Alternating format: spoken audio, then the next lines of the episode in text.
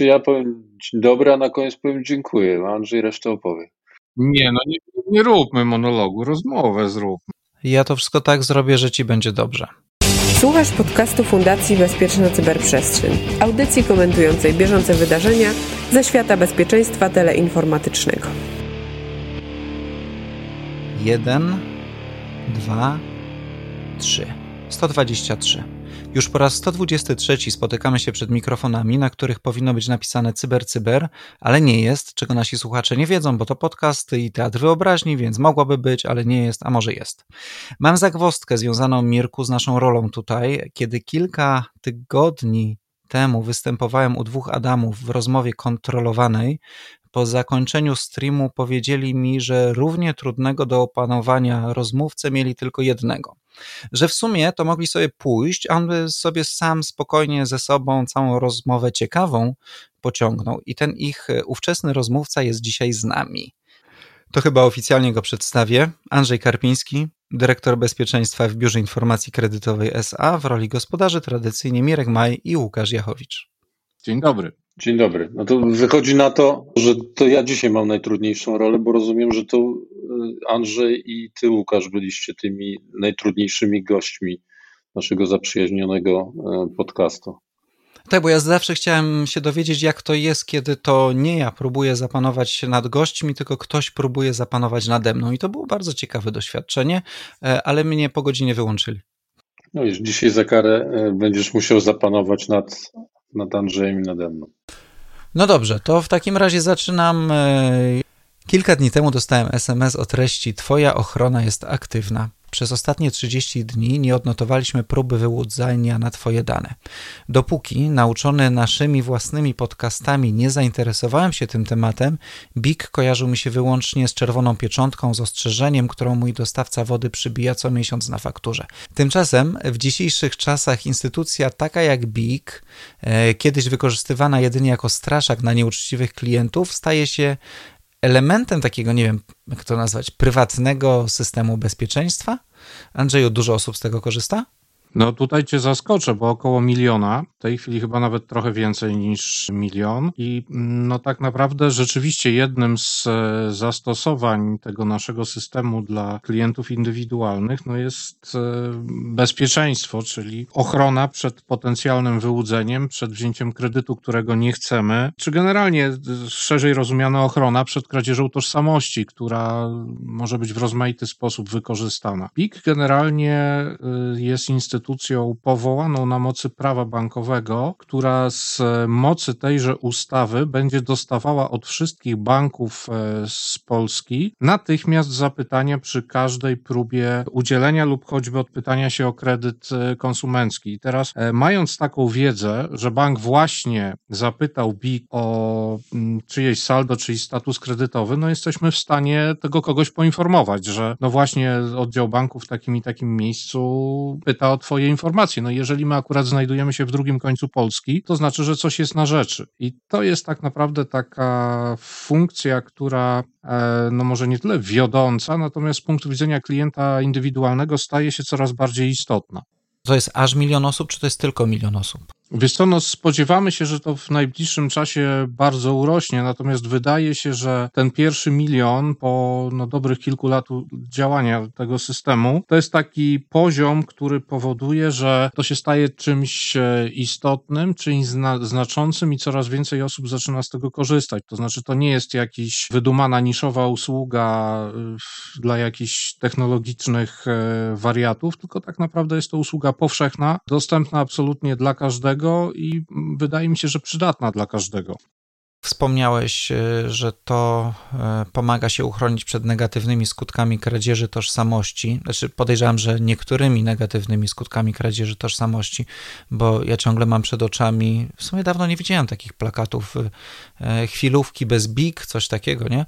Ale, ale kradzieże tożsamości, bo my czas, czasem o tym rozmawiamy, o tym się czyta dużo w mediach, a jak one są popularne w Polsce i jaka jest ich skuteczność?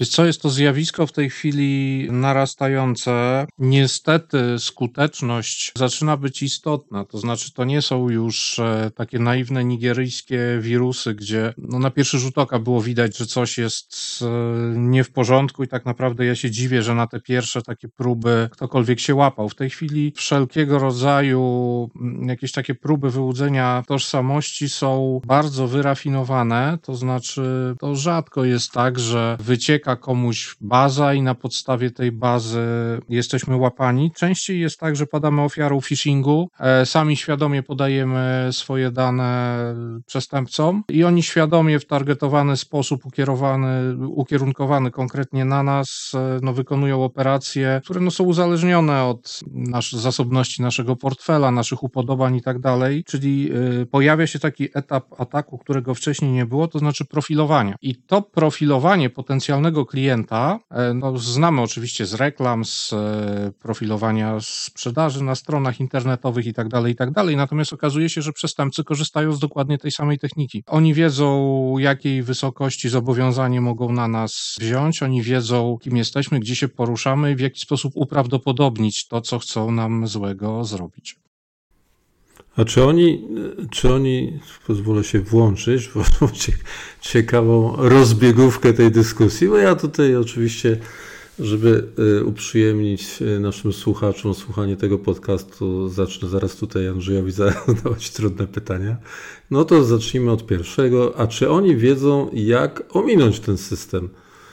E, czyli krótko mówiąc, e, no bo chyba nie jest tak, chociaż nie jestem tutaj specem od e, rynku finansowego i systemu udzielania kredytów, ale mi się kojarzy też BIG pewnie, znaczy, dobrze mi się kojarzy z tą usługą, tak, ale żeby też być uczciwym, to też wiemy, że często się kojarzy z czymś takim, że no ktoś tam się reklamuje, że pożyczki bez BIG, czy tam kredyty bez BIG, nie pamiętam nawet tych sformułowań, bo na szczęście mnie nie, nie interesują i uważam je trochę też biznesowo, etycznie za E, nie, niepoprawne, więc e, jakby się nie, nie przyglądam, ale generalnie rzecz biorąc wychodzi na to, że chyba jest tak, że, że są pewne potencjalne dziury. Nie twierdzę, że z winy BIK-u, żeby to było jasne, prawda? Natomiast rozmawiamy tutaj o całym systemie i teraz e, no, może jak już rozmawiamy o tych korzystnych stronach, to może warto też powiedzieć o pewnych ryzykach z punktu widzenia takiego potencjalnego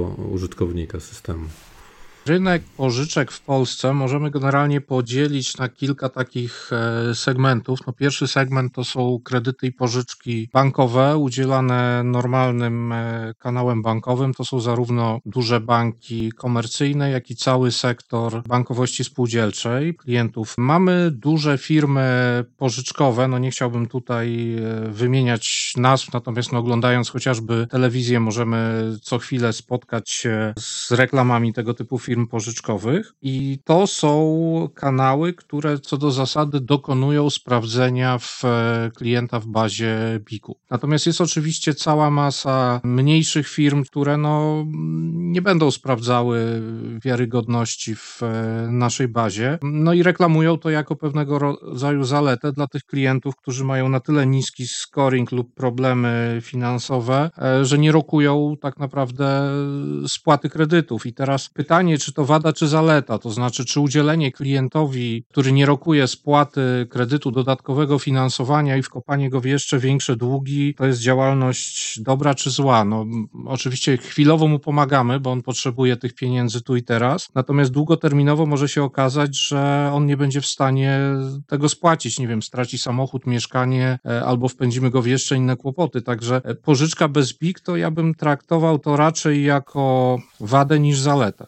No tak, ale to jest, wiesz, to jest na rynku takim, kiedy wszyscy są uczciwi, no ale w momencie, kiedy e, ja jestem e, człowiekiem, który nie korzysta z takiej e, pożyczki, ale ktoś buchnie moje dane, to, to, no to to jest ten kawałek, który jeszcze nie jest chroniony przez system, przez was prowadzony.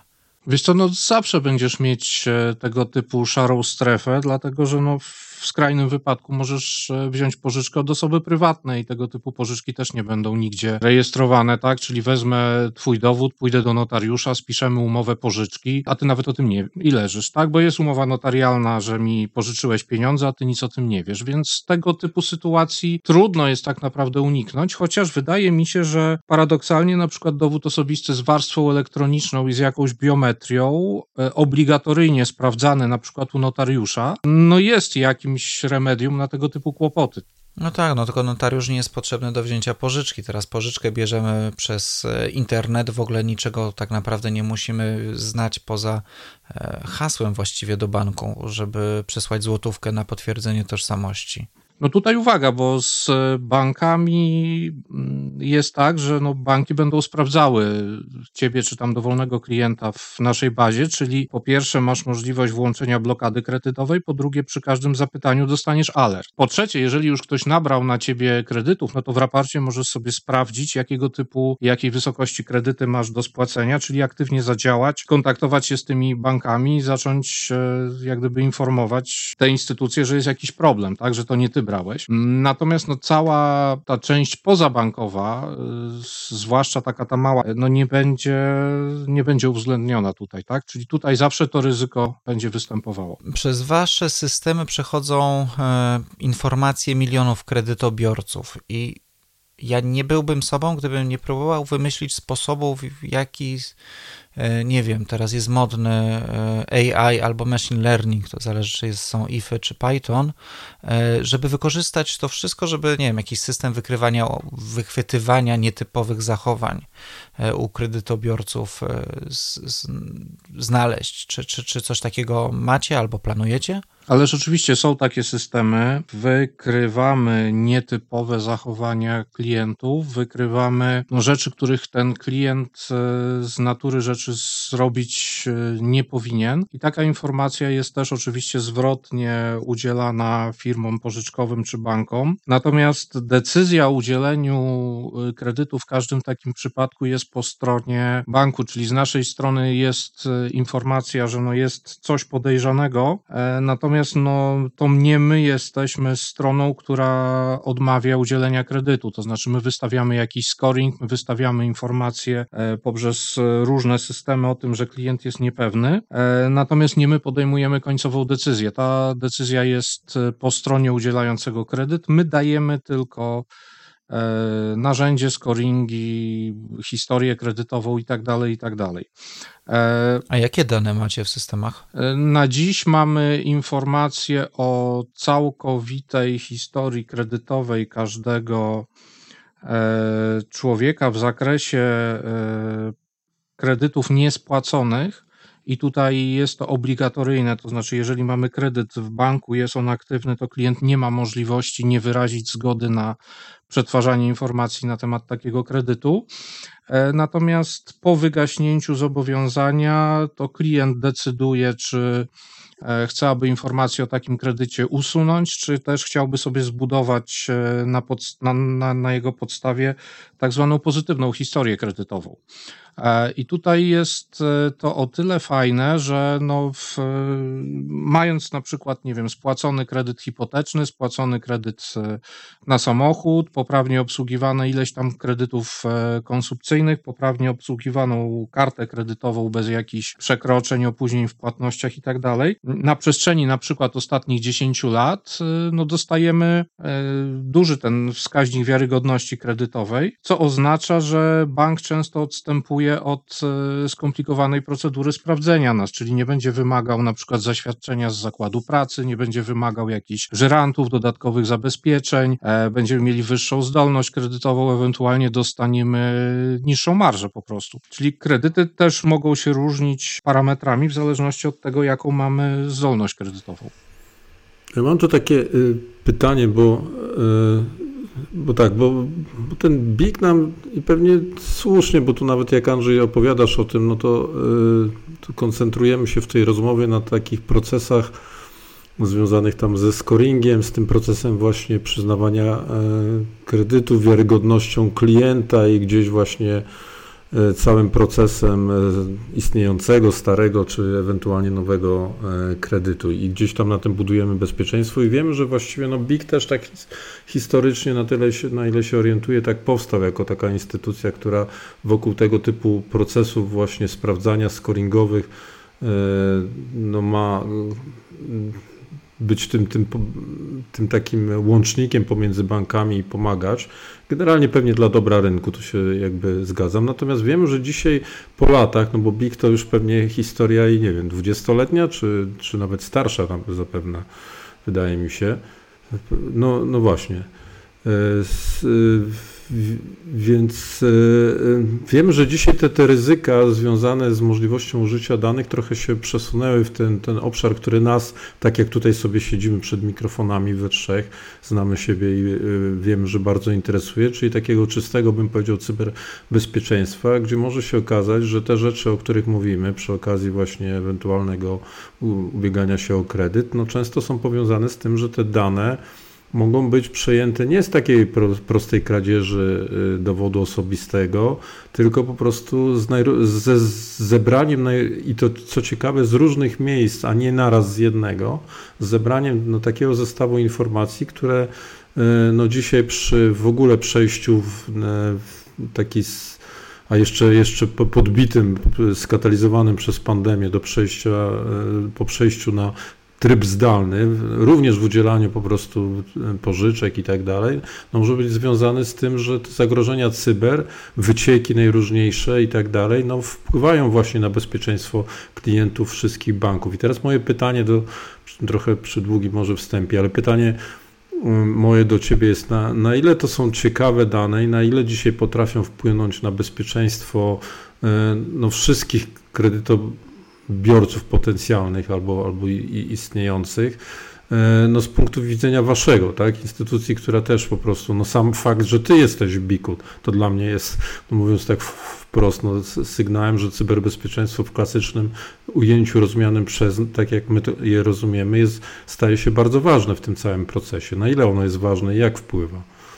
To znaczy, mamy generalnie dwa rodzaje źródeł wycieku danych. Pierwszy rodzaj wycieku danych no to jest e, polowanie na konkretnego Kowalskiego, czyli mm, zdobywamy w jakiś sposób jego dane, nie wiem, kradziemy mu dowód e, podglądamy go, jak on sobie kupuje telefon, wypożycza samochód, czy robi cokolwiek innego, czyli wchodzimy bezpośrednio w e, posiadanie skanu, czy tam kopii jego dokumentu tożsamości, często powiązanym z tym jeszcze jakichś tam danych dodatkowych. Jest to generalnie bardzo mocny zbiór danych, który no, pozwala dość dużo zrobić, to znaczy można za pomocą takiego kompletu danych e, no, wziąć kredyt, pożyczyć samochód, podpisać umowę, czy nawet założyć firmę w tej chwili zdalnie, mając odpowiedni zestaw informacji. Jeżeli ktoś nie ma profilu zaufanego, to możemy mu taki profil założyć, jak gdyby w jego imieniu założyć e, firmę, tak? Czyli to potencjalne problemy mogą być dość poważne. Druga grupa wycieków czy kradzieży tożsamości to są takie kradzieże masowe, kradzieże hurtowe. W sytuacji, gdy na przykład no, mamy dużą firmę i ktoś jej e,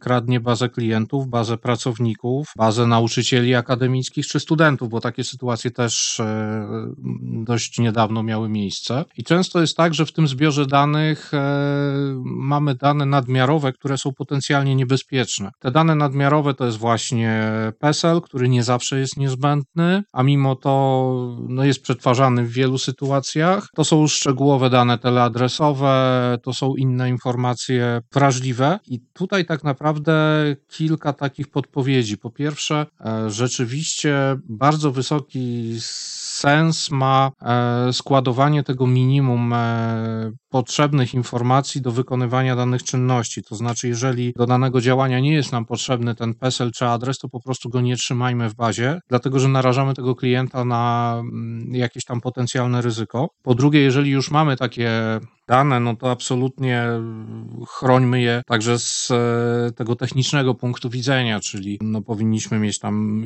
ilość warstwową konstrukcję aplikacji, firewall, skanery i tak dalej, całe jak gdyby dostępne spektrum spektrum narzędzi technologicznych, które pozwalają te dane chronić. Natomiast jeżeli już coś się wydarzy, no to powinniśmy aktywnie zadziałać, tak naprawdę zaczynając od e, poinformowania tych klientów o tym, że jest problem, poprzez poinformowanie Urzędu Ochrony e, Danych Osobowych, że jest problem, no i oczywiście równocześnie podejmując jakieś działania techniczne mające na celu ograniczenie skutków takiego wycieku, no bo do pewnego stopnia jesteśmy w stanie cofnąć e, szkody w ten sposób powstałe. Ważne, żebyśmy w każdym przypadku tego typu problemu poinformowali też policję, dlatego że no, policja jest służbą uprawnioną, upoważnioną do prowadzenia oficjalnego postępowania w sprawie tego typu wycieku i często jest tak, że policja jest w stanie ustalić sprawców, e, jest w stanie ich e, doprowadzić przed wymiar sprawiedliwości, a ostatnio także skutecznie ukarać. To już nie jest prawda, że cyberprzestępcy są całkowicie e, bezpieczni. No, mamy w więzieniach także osoby skazane za tego typu paragrafy. No tak, z drugiej strony, czy troszkę nie jest absurdem sytuacja, że można wziąć, e, czy podejmować decyzję w czyimś imieniu, kiedy zna się po prostu imię, nazwisko, adres PESEL i numer dowodu osobistego, które są w co drugiej umowie? Albo w bazach w ogóle, jak ktoś jest przedsiębiorcą, to już w ogóle my przekichane? No ale to jest dokładnie taka sama sytuacja z e, wspomnianymi wcześniej notariuszami, z, nie wiem, ze sprawami w sądzie i tak dalej. To znaczy, w tej chwili generalnie ufa się przedstawionemu dowodowi osobistemu, jeżeli to jest e, uwiarygodnienie zdalne poprzez jakieś tam zdjęcie dowodu, czy razem z twarzą, czy coś w tym rodzaju, czy nawet ten przelew złotówkowy, no to wiadomo, że to uwiarygodnienie jest, jest jakby słabsze, jest mniejsze, natomiast wciąż w określonych sytuacjach jesteśmy w stanie mu zaufać. No i tutaj yy, tak naprawdę no ja się nieśmiało uśmiecham w kierunku tych dowodów z warstwą elektroniczną, które no potencjalnie wydają się jednak remedium na mm, tego typu problemy, no bo sytuacja, w której notariusz ma czytnik, zabiera nam ten dowód osobisty, sczytuje warstwę biometryczną, a potem prosi nas o przyłożenie palucha, no już bardzo utrudnia y, jakieś tam potencjalne działania przestępcze, zwłaszcza, że informacja na tym dowodzie jest zabezpieczona mocną kryptografią i w zasadzie nie da się tego podrobić.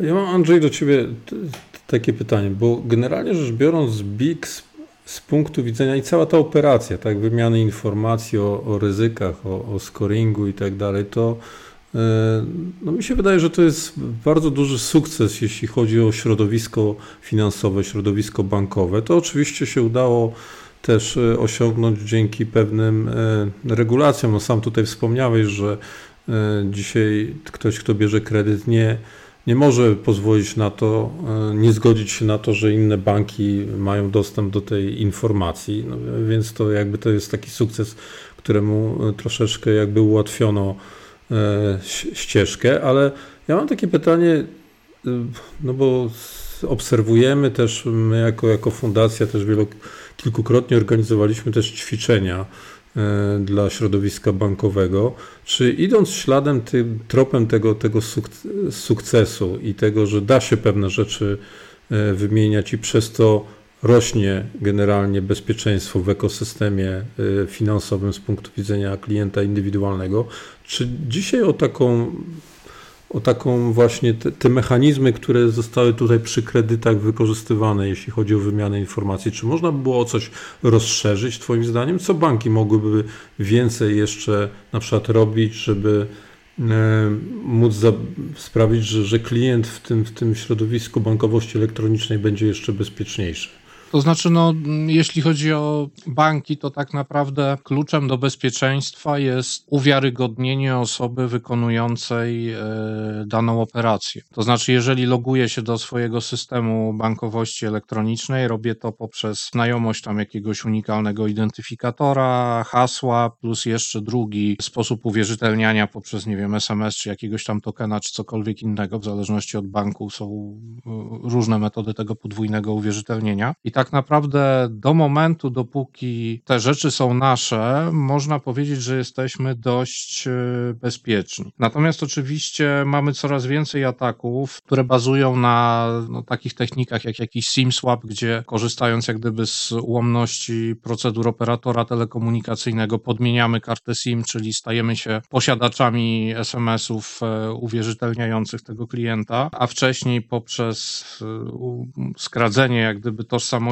tego użytkownika, czy poprzez jakiś tam malware, czy e, ostatnio modne zdalne pulpity z jakiejś tam zdalnej pomocy, czy innych pseudonarzędzi inwestycyjnych, no jesteśmy w stanie wejść w posiadanie identyfikatora hasła, no i jeżeli dodatkowo mamy na przykład podmienioną kartę SIM, to rzeczywiście w imieniu tego klienta jesteśmy w stanie zrobić bardzo wiele. Kolejna taka rzecz, która trapi pewnie sektor finansowy w tej chwili, no to jest e, szeroko rozumiany phishing, gdzie tak naprawdę klient myśli, że wykonuje operację w swoim systemie bankowym, a tak naprawdę wykonuje operację w systemie przestępców, którzy no, te dane przepisują na właściwy system e, banku, robiąc tak naprawdę zupełnie inne e, przelewy, tak? Czyli pod, podmieniają numer konta, robią inne kwoty, są w stanie wyczyścić komuś konto. No to są pewnie rzeczy, z którymi sektor finansowy się boryka. No i pewnie, pewnie natężenie tego typu y, spraw będzie w najbliższych e, latach rosło. No i też spodziewam się, że e, w pewnym momencie osiągnie to taki poziom, że no będziemy musieli się zastanowić, co z tym dalej. Natomiast e, chciałbym zwrócić uwagę jeszcze na kilka takich rzeczy, które sektorowi finansowemu są w stanie bardzo pomóc w zakresie ochrony klientów. Mianowicie chodzi tutaj o szeroko rozumianą biometrię, która jako taka, no moim zdaniem, nie jest metodą uwierzytelniania, natomiast jest na pewno świetną metodą e, dodatkowego wsparcia tych instytucji finansowych w zakresie e, uwiarygodnienia klienta. To znaczy, każdy człowiek na przykład pisze na klawiaturze czy na smartfonie w określony sposób, ma określone przerwy pomiędzy literami, jest to bardzo powtarzalne, da się z tego zrobić model i ten model no, w bardzo dużym e, stopniu obrazuje danego człowieka. Dokładnie tak samo wygląda sytuacja z myszką. No, możemy dodatkowo mieć całą masę parametrów komputera tego klienta, czyli nie wiem, system operacyjny, typowa przeglądarka, typowa lokalizacja, sposób łączenia się z internetem, nie wiem, wersja systemu operacyjnego, ustawienia parametrów TCP, e, nie wiem, jakie jest typowa wielkość okna i tak dalej, i tak dalej. Te parametry są typowe dla danego klienta i one generalnie nie zmieniają się w e, kolejnych sesjach, czyli jeżeli zidentyfikujemy sobie takiego klienta poprzez tego typu takie biometryczne, behawioralne jego cechy, to jesteśmy w stanie dodatkowo bardzo wzmocnić identyfikację tego klienta. Czyli zanim wykonam przelew, ja widzę, że no, system biometryczny pokazuje mi, że no to w 90 paru procentach jest rzeczywiście ten użytkownik, bo on podobnie pisał na klawiaturze przez ostatnich x sesji, w związku z tym no, z dużym prawdopodobieństwem to jednak on.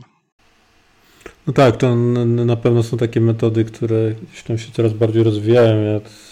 Pewnie warto przy okazji rozmawiania o nich też pamiętać o, o kwestiach prywatności, tak? bo tutaj gdzieś jest do zachowania balans po prostu pomiędzy, pomiędzy tym, tym bezpieczeństwem, a, a tym, że to są takie metody, które za chwilę mogą taki na, nasz ten cyberkod genetyczny stworzyć, że będziemy w niektórych przypadkach mieli nie tylko zyski, ale i kłopoty poważne.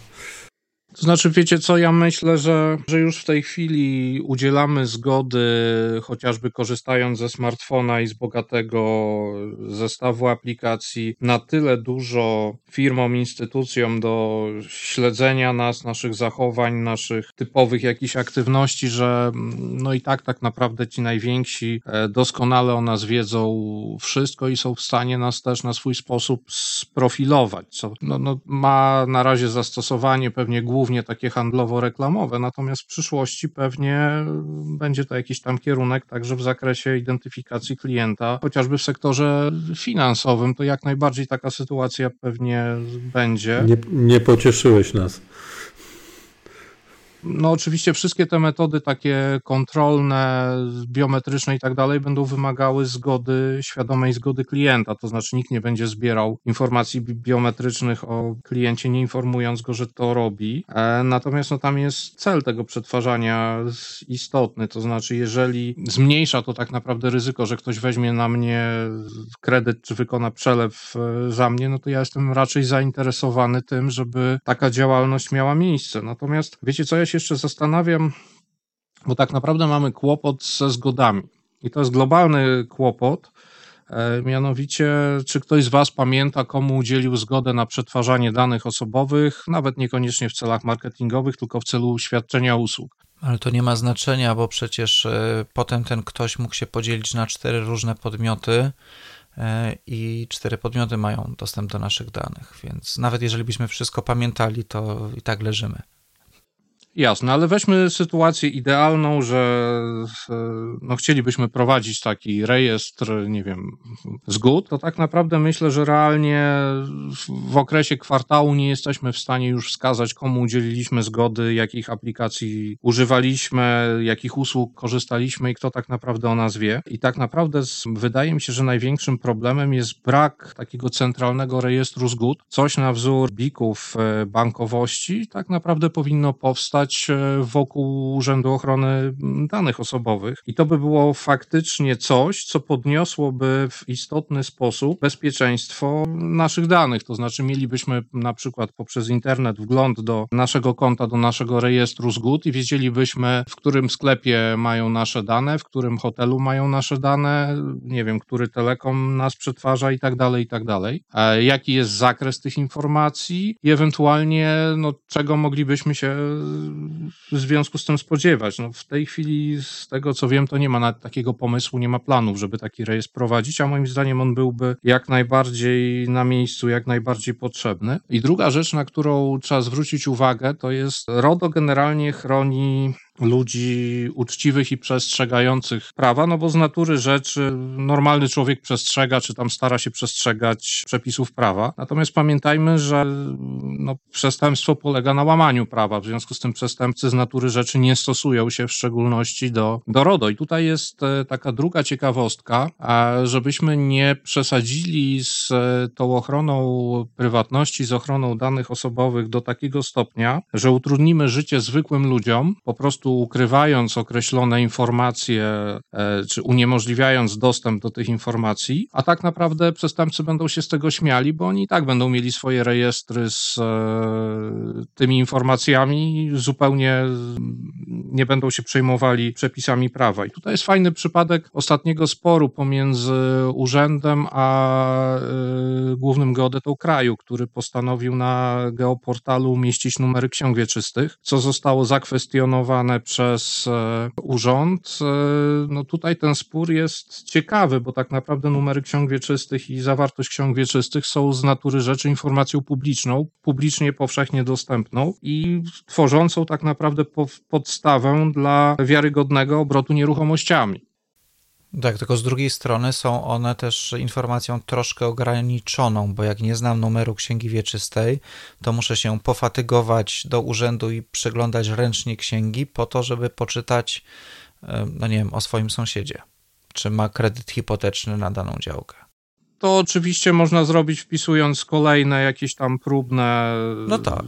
numery i w końcu trafisz na tego sąsiada, znając na przykład numer swojej księgi wieczystej. Natomiast zwróć uwagę na zupełnie inną sytuację. Masz na przykład sąsiada, który ci składuje śmieci na podwórku obok, nie znasz jego danych osobowych i chciałbyś wytoczyć e, mu sprawę o to, że no powinien te śmieci czy tam jakieś inne uciążliwe zachowanie e, zaprzestać. No i na dziś, e, jeżeli pójdziesz do urzędu i poprosisz o jego dane, to tych danych nie dostanie. W geoportalu nie może sprawdzić księgi wieczystej i danych osobowych tego pacjenta i tak naprawdę nie masz realnych możliwości wystąpienia na legalną drogę prawną przeciwko temu człowiekowi. I to jest realne zagrożenie Twoich praw poprzez ochronę danych osobowych. Nie możesz dochodzić swoich praw, nie znając e, tego minimum minimorum informacji, które są ci potrzebne do założenia mu. Co, co, też jest absurdem naszego systemu prawnego. Tak, jak najbardziej. To znaczy, to są dane, które powinny być dostępne publicznie. To znaczy, jeżeli masz sprawę do konkretnego sąsiada, nie wiem, chcesz mu założyć chociażby sprawę w sądzie, e, no to powinieneś mieć e, możliwość wskazania, o którego sąsiada ci chodzi i zdobycie tych informacji nie powinno być dla ciebie szczególnie trudne i uciążliwe.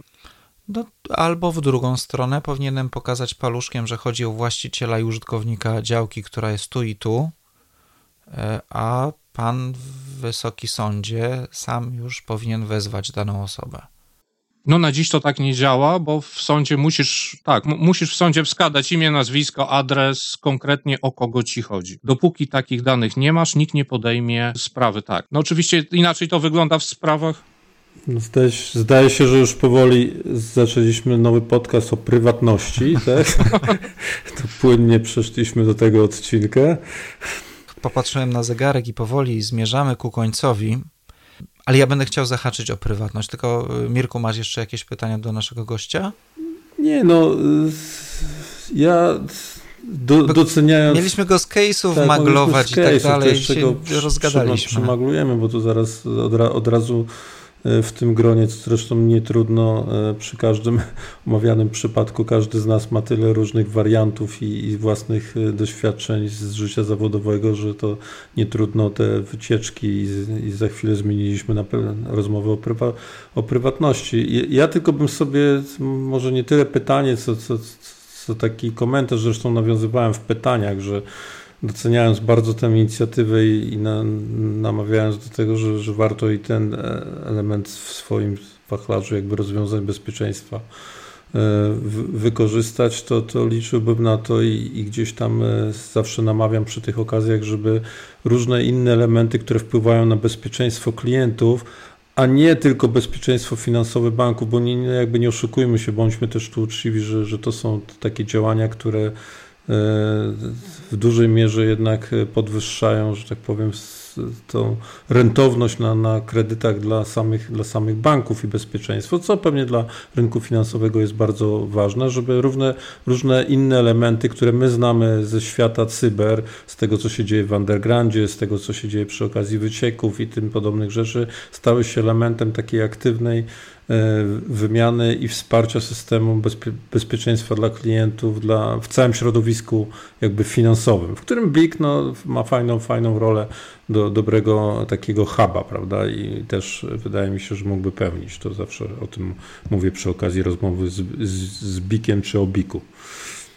Jeśli można dwa słowa komentarza do tego, co powiedziałeś, to jest generalnie tak, że marża kredytów, czy generalnie marża produktów finansowych zależy od poziomu ryzyka. A ten poziom ryzyka zależy od tego, jak dobrze sprofilujemy klienta. Krótko mówiąc, możemy liczyć na dostęp do dużo tańszych e, pieniędzy, do dużo tańszych kredytów, jeżeli podzielimy się ze środowiskiem wiedzą na temat klientów. I dokładnie taką rolę pełni PI. To znaczy, dzięki temu, że banki wzajemnie wiedzą o zobowiązaniach swoich klientów, są w stanie udzielać tańszych kredytów, no bo te kredyty są obarczone dużo niższym ryzykiem kredytowym, ryzykiem, że te, te, pieniądze jak gdyby do banków wrócą. W związku z tym, no gdybyśmy tego biku w systemie nie mieli, no to wszyscy płacilibyśmy za kredyty z grubsza tyle, ile kosztują kredyty czy tam chwilówki e, nad z tych przysłowiowych słupów e, i pożyczek bez biku, no bo tam jest po prostu to ryzyko wkalkulowane w koszt pieniądza.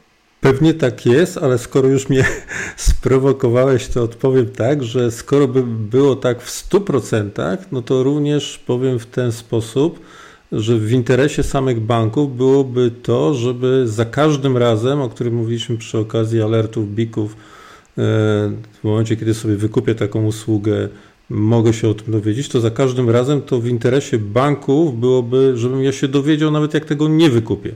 Czyli banki powinny mi jakby to, to, to opła, opła, opłacić po to, żebym ja im pomógł wyłapać tę sytuację i sprawić, że to ryzyko dla banków w sumie dla całego systemu będzie, będzie mniejsze. No, no, problem polega na tym, że w większości przypadków tym końcowym poszkodowanym jest klient indywidualny, tak? I dlatego jakby tutaj wychodzi na to, że to jego interes jest największy, chociaż ja tego do końca nie rozumiem, dlaczego to on akurat jest, ale to już jest rozmowa pewnie, w której tutaj otworzylibyśmy dużo nowych pól dysku, dyskusji, trochę się jej obawiam, ale może to jest dobry powód do tego, żeby kiedyś do niej wrócić.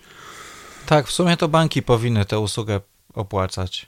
A tutaj cię zadziwię akurat, bo e, w zakresie klientów, którzy padli ofiarą e, jakiegoś oszustwa, przestępstwa, czy generalnie mają e, jakieś takie kłopoty z wyłudzeniem tożsamości, my mamy taką specjalną ofertę polegającą na tym, że komplet usług dla nich jest za darmo. To znaczy, jeżeli ktoś cię okradł, wziął na ciebie kredyt, czy cokolwiek innego złego tego typu ci zrobił, to zgłaszasz się do BIK-u. My wystawiamy ci kod e, na nasze usługi, który powoduje, że cena wynosi zero. To pozwala ci e, zorientować się w twojej sytuacji, czyli chociażby przejrzeć sobie historię kredytową, w jakich bankach masz problem i w jakiej wysokości, kiedy ten problem wystąpił, no i na przyszłość zabezpieczyć się w taki sposób, że jeżeli będą brane na ciebie kolejne kredyty, to dostaniesz za darmo te alert. To jest pierwsza rzecz, którą e, jak gdyby środowisko bankowe, którego częścią jest BIK do tych klientów indywidualnych jednak świadczy. Druga dość ważna informacja, jeżeli zgłosisz się do nas z taką informacją, że na przykład ktoś próbował wyłudzić e, kredyt, no to skontaktujemy cię z e, właściwymi zespołami bezpieczeństwa tego banku, e, co też może być istotne chociażby dlatego, żeby ustalić, kiedy to się stało i wtedy mamy na przykład szansę zdobyć z tego oddziału, no oczywiście policja czy ten zespół bezpieczeństwa banku, no nie zostanie nam to udostępnione jako osobie prywatnej, Natomiast możemy zdobyć na przykład takie rzeczy jak e, zapis monitoringu z tej placówki. I wtedy to jest o tyle istotne, że mamy na przykład twarz osoby, która próbowała brać e, na nas, czy, czy wzięła na nas pożyczkę nagraną na monitoringu. To już jest istotna poszlaka dla prowadzącego postępowanie. Okej, okay, czyli w momencie, kiedy ktoś zaczyna, ja mam włączone te alerty i ktoś zaczyna brać kredyt na moje dane, albo ja sam biorę kredyt, to dostaję SMS-a, że coś takiego się dzieje i jakiś numer telefonu, pod którym mogę zadzwonić, tak? Tak, dokładnie wygląda taki alert. E, nie, nie życzę, żeby ktoś e, no dobra, kiedy trzeba brał jak kredyt na ciebie, natomiast gdyby tak się stało, e, dostaniesz o tym informację SMS-em, mailem i dodatkowo będzie tam numer telefonu, pod którym można dowiedzieć się co dalej. Okej, okay, to Mirku, jak założysz sobie takie konto, to ja proszę o twój PESEL, ok? I wzajemnie, i wzajemnie. Zobaczymy.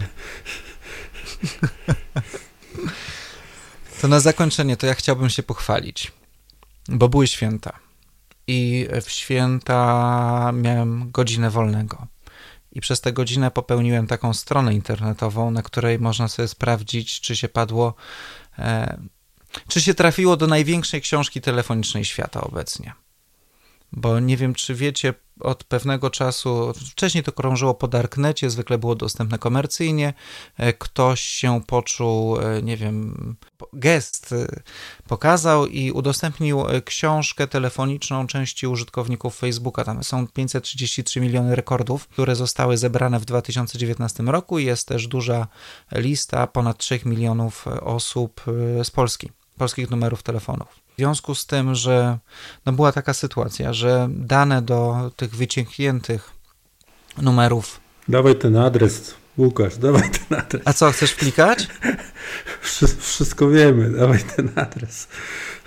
Wyciekło.pl i tam, uwaga, nie ma numerów telefonów, bo są skróty kryptograficzne numerów telefonów i nic więcej, więc y, można sobie sprawdzić, czy dany numer telefonu jest y, w tej bazie, która krąży i którą mają ci źli ludzie, a ci, którzy padli ofiarą, to Facebook ich nawet nie poinformował. Więc y, tutaj chyba taki tradycyjny punkt powinniśmy mieć w programie. E, pokazujemy palcem, co ci wielcy robią złego, no to Facebook y, miał wyciek w 2019 roku i nie poinformował użytkowników, na przykład mnie, że, że mój numer telefonu trafił w cudze ręce E, co w moim przypadku nie jest jakimś problemem, bo mój numer telefonu jest googlowalny, ale, ale podejrzewam, że na przykład Mark Zuckerberg nie chciał, żeby ludzie wiedzieli, że używa Signala, a już wiadomo, że używa Signala. Bo ktoś sobie dodał jego numer telefonu do Signala. No, no widzisz, to w Signalu mi nie wyskoczyło, że, że jest na Signalu. Bo zły sobie wpisałeś, to poczekaj, no, poczekaj, Muszę, znajdę właściwie. Nie, oszukał mnie podając numer. Wiecie co, panowie, ja myślę, że to jest w ogóle ciekawy przypadek i ja będę z dużą ciekawością obserwował, co zrobi z tym e, Urząd Ochrony Danych Osobowych, dlatego, że to są polscy użytkownicy. Serwis e, no, jest formalnie zarejestrowany e, w Unii Europejskiej, w związku z tym w zasadzie urząd powinien podjąć określone działania. Tutaj mamy sytuację, że wyciek jest sprzed dwóch lat i nie został formalnie zgłoszony zgodnie z procedurą opisaną w RODO. Użytkownicy. Tak, RODO już działało. Tak, użytkownicy nie zostali poinformowani o e, wycieku i tak naprawdę no, nie zostały podjęte żadne realne próby nawet e, zaradzenia tej sytuacji, więc już sam fakt niewykonania zgłoszenia powinien tak naprawdę skłonić do nałożenia kary. No i teraz biorąc pod uwagę skalę, i jak gdyby no, ten cały szereg e, zaniechań, no, zastanawiam się, jaka będzie decyzja urzędu. Z niecierpliwością czekam. To tyle w 123 e, odcinku podcastu CyberCyber. Cyber. Za uwagę dziękuję Andrzej Karpiński z Big SA, Mirek Maj z Fundacji Bezpieczna Cyberprzestrzeń, mówiący te słowa Łukasz Jachowicz chwilowo z wyciekło.pl. E, działa również z polską literą ta domena. Naszych podcastów możesz słuchać we wszystkich popularnych programach podcastowych. Zobaczysz też e, to na YouTubie. E, zapraszam na stronę Fundacji Bezpieczna Cyberprzestrzeń, gdzie znajdziesz odnośniki do 122 archiwalnych odcinków i ta liczba ciągle rośnie, e, oraz odnośniki do informacji, które, po, po które sięgamy podczas naszych rozmów. Dzięki i do usłyszenia. Dzięki. Dzięki, cześć.